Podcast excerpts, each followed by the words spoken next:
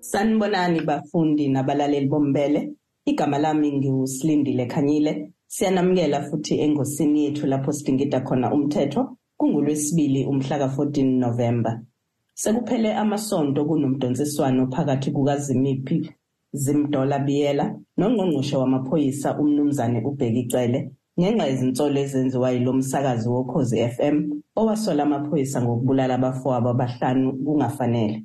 Ukubheka lolu daba kabanzi ukhona ungoti wethu womthetho umnumzane umpumelelo Zikalala wezikalala Attorneys. Mnumzane Zikalala siyakubingelela futhi siyakwamukela kumbele. Angikubingelele kakhulu bese ngiphinde ngibele kakhulu ababukeli nabaleli bombele. Mnumzane Zikalala kusukela kwaba khona izinkundla zokuxhumana. Sekuyinto ejwayelekile ukuthi abantu bazikhulumele noma ngabe yini uma ngabe bethanda benze izinsolo ngomuntu njengoba kwenza uZimdola emsakazweni. Zikhona yini izinyathelo okufanele abomthetho bazithathe uma kwenziwe izinsolo ezihlangalaleni kodwa icala lingavuliwe?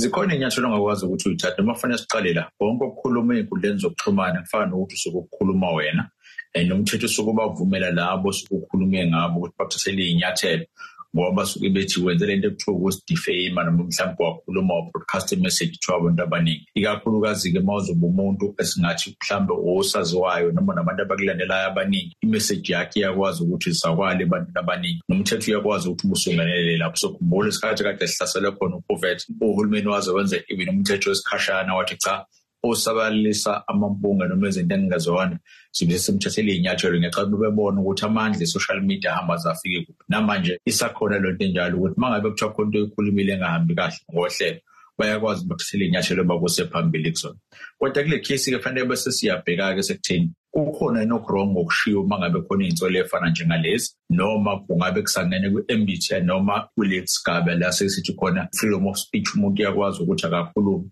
Asho noma yini athi into uyayisola noma mhlampe athanda ukuthi ayisho. Ukuba waye mhlambe ebala abantu ngamagama kwakuzoba khona inkinga. Kodwa ngoba naku kuthiwa amaphoyisa kuba khona okuncane a-thin line ebakhona lapho engicabanga ukuthi mhlawumbe indaba engakwazi ukuthi ilungiseleleke without ukuthi ngelele umthetho phakathi. Lapha mnumzane zikalala ukhuluma ngalo muntu osuke ezenzile izinsolo. Kodwa-ke zona iy'nsolo uqobo. Amaphoyisa angaqala yini ayiphenye uma ngabe umuntu eyikhulumele nje? Noma kufanele kube ukuthi kuvulwa icala kuqala?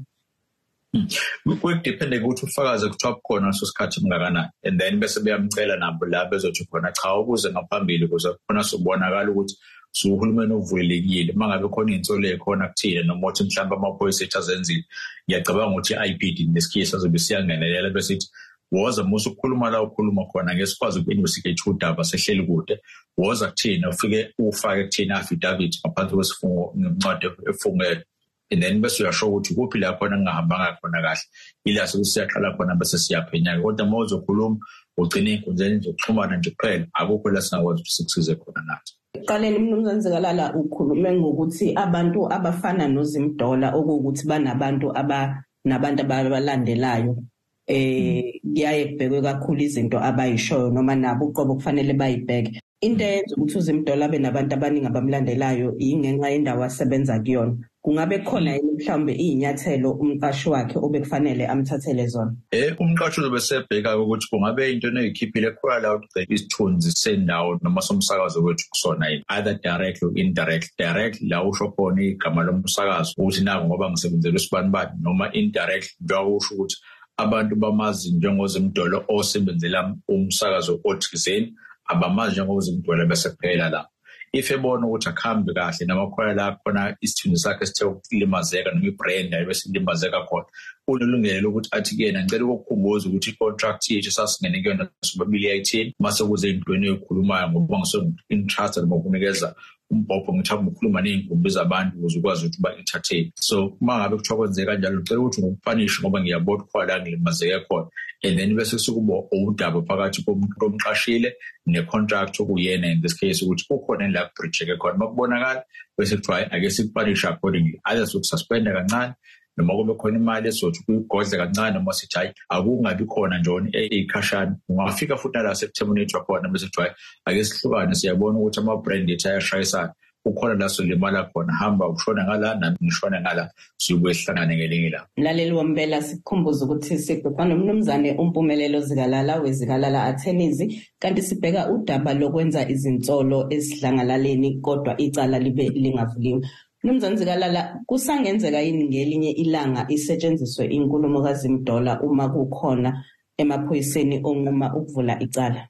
Kusengenzeka ngiyacabanga ukuthi yona isibo umsuka kodwa mase kuthiwa isiyangena enkantolo uma ukwazi ukukhombisa nje ukuthi ithathwe kuphi ikwazi ukucheck ukuthi kuyabonakala ngempela yini ukuthi uyena. Then izothi uma isi-present on the other side bese kuthiwa uyavuma yini noma uyaphika ukuthi wena noma uvuma it's the end of the case izobe sithatha isagment ezofakazi if enqaba bese kuletha abantu abawongoti abazokwazi ukuthi ba-introduce benzele into ekuthiwa uku-authenticator kuhle le nkulumo njengoba iphume kanje ivele kubona and then-ke besingenile so isingasebenza-ke bese iyosebenza njengenkantolo on that basis but into ezobe sikhona izobe sithi mangabe kuthiwa siyahamba siye enkantolo siyothi siyothi siqamba lamanga mangabe siqamba lamanga sothi what type of harm did you suffer masekuza kuleyo process? And then kube sekubhekwa kwe-element yeqiniso ukuthi thini uzothi uma usubheka-ke lapha ama-record nezinto ey'khona i-investigator i-ip kwazi kwakhiwa uhla koluseceleni ukuze likwazi ukuthi investigate amaphoyisa okubonakala ukuthi izinto ey'fana njengalezi azikwazi ukuthi senzeke so if kuwukuthi mhlawumbe uzothi belingekho iqiniso you can't say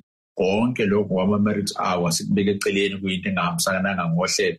Hence kuzoba nzima noma la ngizama ukuya khona ukuthi kuzoba nzima ukuthi bakwazi ukuthi baliprove balikwinini lokucala ngenxa yokuthi kwavele izinto ey'fana njengalezo ziyenzeka akhulunywa ngento ekade kuthiwa qanywa manga ngayo kodwa okungenzeka ukuthi in this particular case akuzange uze kwenzeka yila khona babe sebenenkinga khona inkantolo bese-ke iyothatha isinqumo esifanele ukuze ibone ukuthi ungabe iyavumelana yini nabo if uvumelana nabo ibone ukuthi akufanele sho kanjani.